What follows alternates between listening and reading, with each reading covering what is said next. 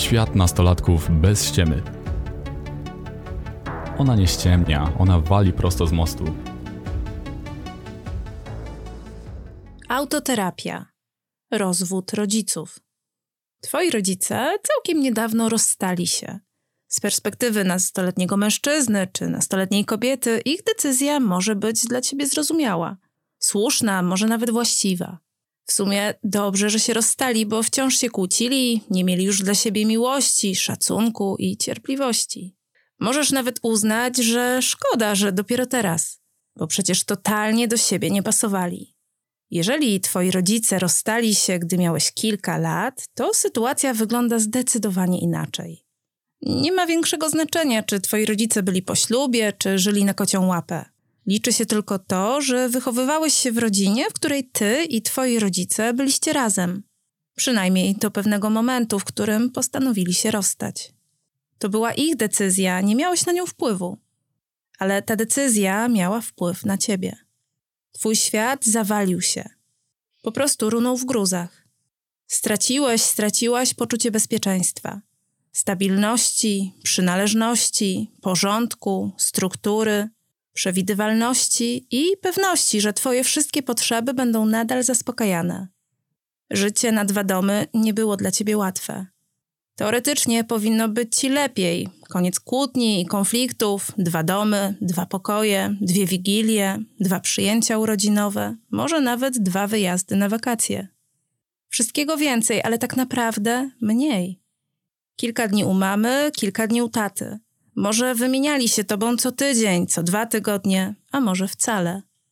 Może straciłeś, straciłaś kontakt z jednym z rodziców ale w żadnym z tych miejsc nie czułeś się, nie czułaś się już jak w domu. Bo dom to bezpieczna przystań, którą bezpowrotnie straciłeś, straciłaś. Nawet jeżeli twoi rodzice zadbali o to, żebyś dostał, dostała wsparcie psychologa, to i tak ta nowa sytuacja wywróciła twój świat do góry nogami. A może zamiast wsparcia psychologa, ty się nim stałeś dla twojej mamy czy taty. Stałeś się, stałaś się powiernikiem sekretów małżeńskich, żalu, wzajemnych pretensji, obwiniania, wywlekania brudów i przerzucania odpowiedzialności. Karmili cię informacjami, o których wcale nie chciałeś wiedzieć. Zapomnieli, że jesteś dzieckiem i wciągnęli cię do zagmatwanego świata dorosłych. Nawet jeżeli twoi rodzice nigdy nie powiedzieli na siebie nawet jednego złego słowa, to i tak nowa rzeczywistość nie była dla ciebie łatwa. Jeżeli twoi rodzice rozstali się jeszcze przed twoimi dwunastymi urodzinami, to jest duża szansa na to, że ich decyzja wywołała w tobie poczucie winy. Dlaczego? Bo mniej więcej do dwunastego roku życia nie potrafiłeś, nie potrafiłaś myśleć refleksyjnie. Ma to związek z niedojrzałością struktur mózgowych odpowiedzialnych za ten proces poznawczy. Jeżeli nie potrafisz myśleć refleksyjnie, to odbierasz świat zero-jedynkowo czyli każdą reakcję otoczenia łączysz ze swoim zachowaniem. Mama na mnie krzyczy, bo zrobiłam coś nie tak. Tata mnie uderzył, bo zasłużyłam sobie na to. Mama poświęca więcej czasu mojemu młodszemu bratu, bo mama mnie już nie kocha. Dziecko, które nie ma dostępu do myślenia refleksyjnego, nie jest w stanie dokonać analizy sytuacji. Dziś, jako nastolatek, mógłbyś dojść do wniosku, że mama na ciebie krzyczy, bo nie radzi sobie ze swoimi emocjami, albo bo miała ciężki dzień, czy jest zmęczona, albo rozdrażniona i po prostu nie rozumie ciebie. Nie rozumie twoich decyzji i po prostu nie nadaje się na matkę. Gdy miałeś kilka lat i twoi rodzice postanowili się rozstać, to mogłeś to odebrać jako porzucenie. Szczególnie ze strony tego rodzica, który wyprowadził się z waszego domu. Twój tata się wyprowadził, bo już cię nie kocha. Twoja mama się wyprowadziła, bo nie jesteś już dla niej ważny. Twoi rodzice rozstali się przez ciebie, przez to, co robiłeś albo czego nie robiłeś. Rozstali się, bo nie sprzątałeś w pokoju, bo byłeś za głośny, za ruchliwy, zbyt wrażliwy, niegrzeczny, bo miałeś kłopoty w szkole, słabe oceny i mnóstwo uwag za złe zachowanie. Twój tata odszedł, bo nie mógł już z tobą wytrzymać. Twoja mama odeszła, bo już cię nie kocha, bo ciebie nie można kochać. Takie myśli mogłeś mieć jako małe, kilkuletnie dziecko, które doświadczyło rozstania rodziców. W piwnicy twojej podświadomości mieszka taka dziecięca część ciebie, która zatrzymała się w czasie, gdy twoi rodzice się rozstali. Ta mała, dziecięca część ciebie dźwiga ból, cierpienie, strach, przerażenie, lęk, wstyd i poczucie winy. Ta mała część ciebie myśli, że to jej wina, że twoi rodzice rozstali się przez nią, przez to, co robiła czy czego nie robiła. Ta mała część ciebie jest przekonana, że nie zasługuje na miłość i akceptację. Nie tylko na miłość twoich rodziców, ale też na miłość innych ludzi wokół ciebie. Ta mała część ciebie jest przekonana, że nikt jej nie chce. Ta mała część ciebie jest przekonana, że nikt jej nie kocha, bo jej nie można kochać. Na straży piwnicznej celi tego małego dziecka stanęła taka sztywna część ciebie, która pilnuje, żeby ból tego małego dziecka nie wylał się i nie przytłoczył ciebie. Ta część ciebie codziennie stara się zadbać o to, żebyś ty już nigdy nie był, nie była taka jak to małe dziecko w tobie. Żeby nikt więcej cię nie porzucił, nie odrzucił, nie przestał kochać. Może tą częścią jest krytyk, który ocenia cię, osądza, mówi ci, że jesteś beznadziejny, beznadziejna, że robisz za mało, że znowu dałeś ciała. Chcecie w ten sposób zmotywować, chcecie chronić przed odrzuceniem, którego dawno, dawno temu doświadczyło to małe dziecko w tobie. A może na straży bólu tego dziecka stoi perfekcjonista, Wciąż zmusza cię do tego, żebyś był najlepszy, najlepsza, żebyś nigdy nie popełniał błędów, żebyś był idealny, idealna, żebyś dawał z siebie wszystko, bo tylko w ten sposób zasłużysz na miłość i akceptację. Może wspiera cię pesymista, który zawsze zakłada najczarniejszy scenariusz, po to byś nie doświadczył, nie doświadczyła rozczarowania. Może kontrolujący dba na co dzień o to, żebyś wszystko miał, miała pod kontrolą żebyś zawsze to ty rozdawał, rozdawała karty, bo tylko wtedy będziesz bezpieczny, będziesz bezpieczna. Planujący też chce cię uchronić przed doświadczeniem sytuacji, które cię zaskoczą i zburzą twoje poczucie bezpieczeństwa. Jest przekonany, że gdy zaplanujesz wszystko, to już nic cię nie zaskoczy. Luzak dba o to, żebyś nie przejmował się za bardzo, żebyś miał dystans do wszystkiego, bo tylko wtedy nie poczujesz takiego bólu, jak to dziecko, którego rodzice się rozstali. Racjonalista odcina cię od twoich uczuć. Nie pozwala ci na taką słabość, bo widzi w niej ogromne zagrożenie. Dlatego oddaje władzę umysłowi, który podejmuje decyzje w oparciu o racjonalne myślenie. Żartujący wszystko obraca w żart, bo tak jest łatwiej, bo dzięki temu nie zaleje cię ból i cierpienie, gdy doświadczysz odrzucenia. Samotnik nie chce wchodzić w bliskie relacje z innymi, nie za bardzo ma ochotę na poważne związki, bo za rogiem zawsze czai się ryzyko cierpienia, gdy zostaniesz porzucony, porzucona. Po co ryzykować, gdy można wszystkich trzymać na dystans? Może nawet zgodzi się na związek, ale taki, w który nie zaangażujesz się na 100% bo to jest po prostu niebezpieczne. Złośliwy ma trochę inny pomysł na chronienie ciebie. Zawsze zaatakuje pierwszy, zanim ktoś spróbowałby zaatakować ciebie. W ten sposób jest zawsze o krok do przodu przed innymi. Gdy wszystko wiedzący staje na straży, to nikt nie ma z nim szans, bo przecież to on zna się na wszystkim najlepiej. To on ma monopol na prawdę, to on zawsze ma rację. Dzięki temu, nawet jak przegrasz, to on cię przekona do tego, że wygrałeś, wygrałaś.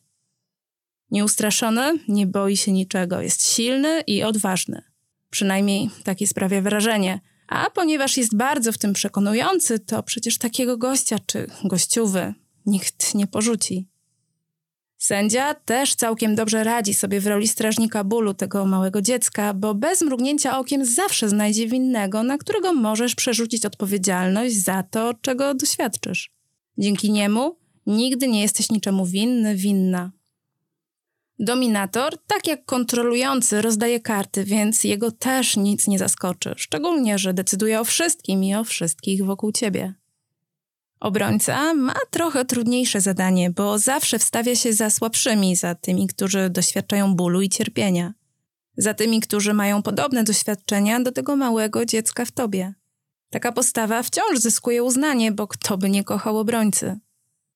Wrażliwy też ma swoich wielbicieli, a dokładniej wielbicielki. Może chłopacy się nim nie zachwycają, ale u dziewczyn ma 100% poparcia. Niewinny trochę jest ofiarą, trochę katem. Z jednej strony nic nie jest jego winą, a z drugiej musi zawsze znaleźć winnego, żeby siebie wybielić.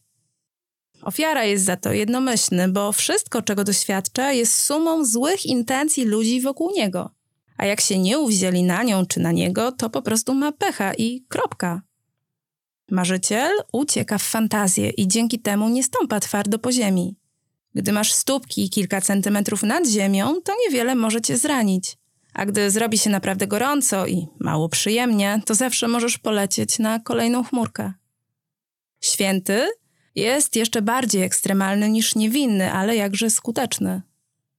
Grzeczny chłopiec czy grzeczna dziewczynka ma naprawdę bardzo trudne zadanie, bo non-stop musi robić wszystko, żeby zadowolić innych. Nie ma własnego zdania, nie mówi tego, co myśli, unika konfliktów, próbując się dopasować za wszelką cenę. Po to, by zasłużyć na miłość i akceptację. To bardzo ciężkie i kosztowne zadanie, ale warte swojej ceny. Która z tych części ciebie stoi na straży piwniczej celi tego małego dziecka, które doświadczyło rozstania twoich rodziców? Która z tych części pilnuje, aby jego, jej ból i cierpienie nie wylało się i nie przytłoczyło ciebie? Bez względu na to, kto chroni cię przed bólem tego dziecka, jest jeszcze jedna ważna kwestia, która dotyczy twoich romantycznych związków. Do jakich chłopaków albo dziewczyn cię ciągnie? Jeżeli dość często zmieniasz obieg swoich zainteresowań, to zastanawia mnie to, czy nie masz przypadkiem takiego wrażenia, że wybierasz bardzo podobny typ, powtarzalne cechy charakteru, sposób bycia, a może też wygląd? Masz takie doświadczenia?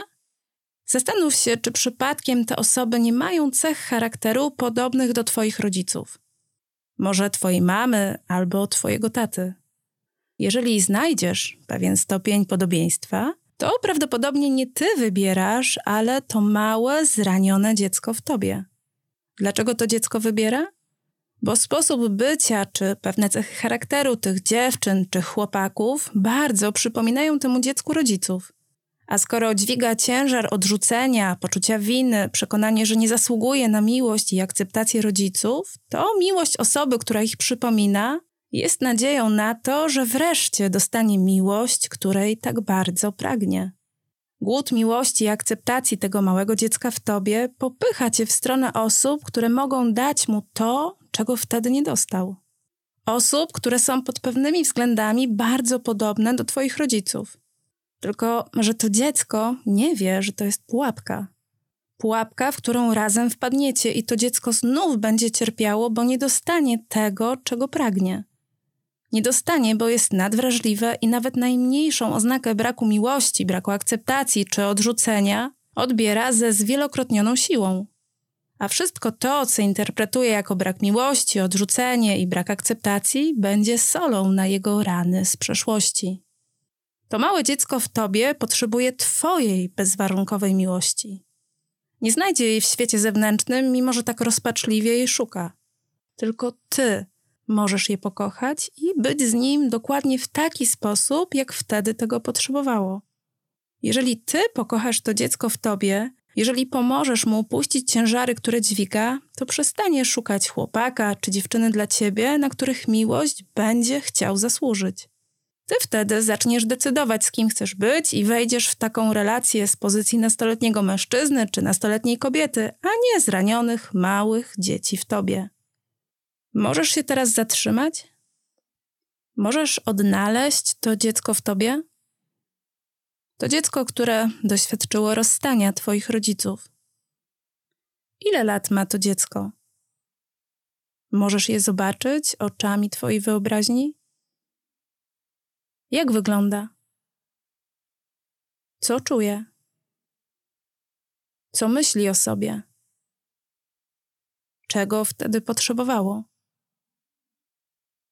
Co ty czujesz, gdy myślisz o tym dziecku? Jeżeli masz teraz w sobie dużo miłości, otwartości, zrozumienia i ciekawości, to bądź przy tym dziecku i wysłuchaj jego historii. Jeżeli czujesz smutek, jego ból i cierpienie, to poproś to małe dziecko, żeby nie zalewało cię swoimi uczuciami. Powiedz mu, że zbliżasz się do niego po to, by mu pomóc, by być z nim, z nią dokładnie w taki sposób, jak wtedy tego potrzebował, potrzebowała, gdy twoi rodzice się rozstali. Będziesz mógł, mogła mu pomóc tylko wtedy, gdy przestanie cię zalewać swoimi uczuciami. Powiedz mu, że może ci opowiedzieć o tym, co czuje, o tym, co myśli o sobie, o tym, czego potrzebuje. A ty jesteś gotowy, gotowa być obok niego i po prostu go wysłuchać. Wysłuchaj to dziecko teraz. A może teraz pojawiają się takie myśli, że nie lubisz tego dziecka. Czujesz złość, irytację, a może niechęć? Jakaś część ciebie nie lubi tego dziecka? Jakaś część ciebie nie chce się do niego zbliżać? Czy to jest ta część ciebie, która pilnuje, żeby jego, jej ból nie wylał się i nie przytłoczył ciebie? Krytyk? Kontrolujący? Planujący? Pesymista? Racjonalista?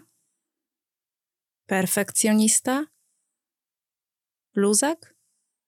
Żartujący? Złośliwy? Samotnik? Wszystko wiedzący? Nieustraszony? Sędzia? Dominator? Obrońca? Wrażliwy? Niewinny? Marzyciel? Święty? Nieufny? Ofiara? A może grzeczny chłopiec? Czy grzeczna dziewczynka? Która z tych części ciebie nie chce, żebyś zbliżał się do tego małego dziecka w tobie? Czego obawia się ta część ciebie, która nie chce, żebyś się do niego zbliżał? Czy ta część ciebie wie, ile masz lat? Czy ta część ciebie byłaby gotowa zaufać ci, że dziś poradzisz sobie z tym doświadczeniem? Że ból i cierpienie tego małego dziecka nie przytłoczą cię?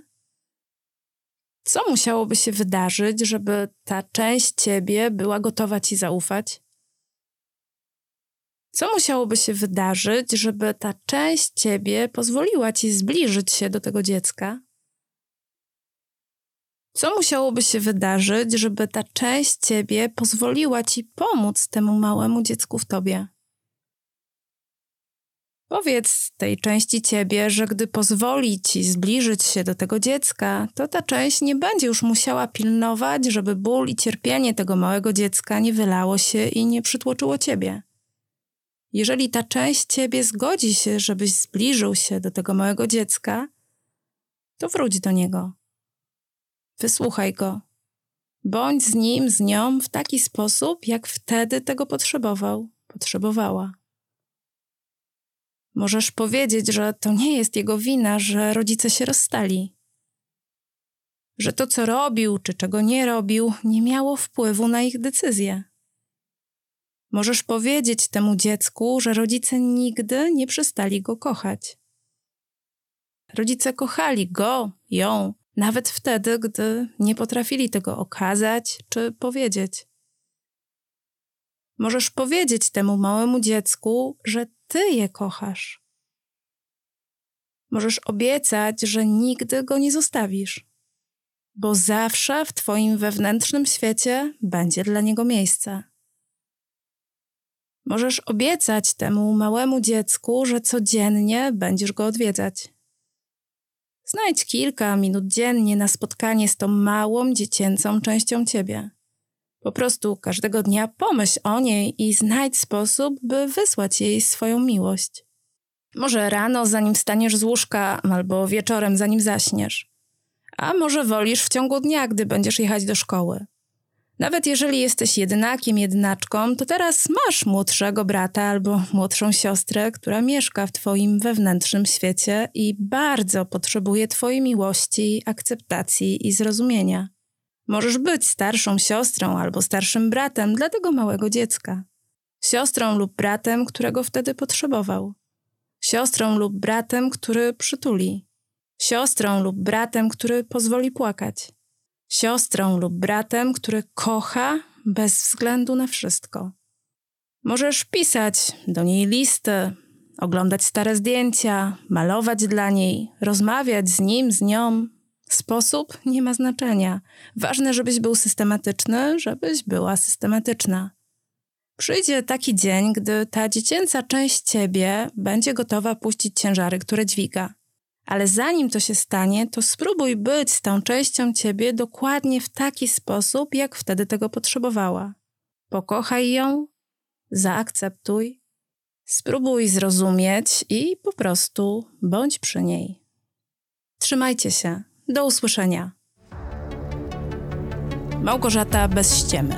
Psychoterapeutka uzależnień, terapeutka IFS, trenerka komunikacji empatycznej, nastolatka z 33-letnim doświadczeniem.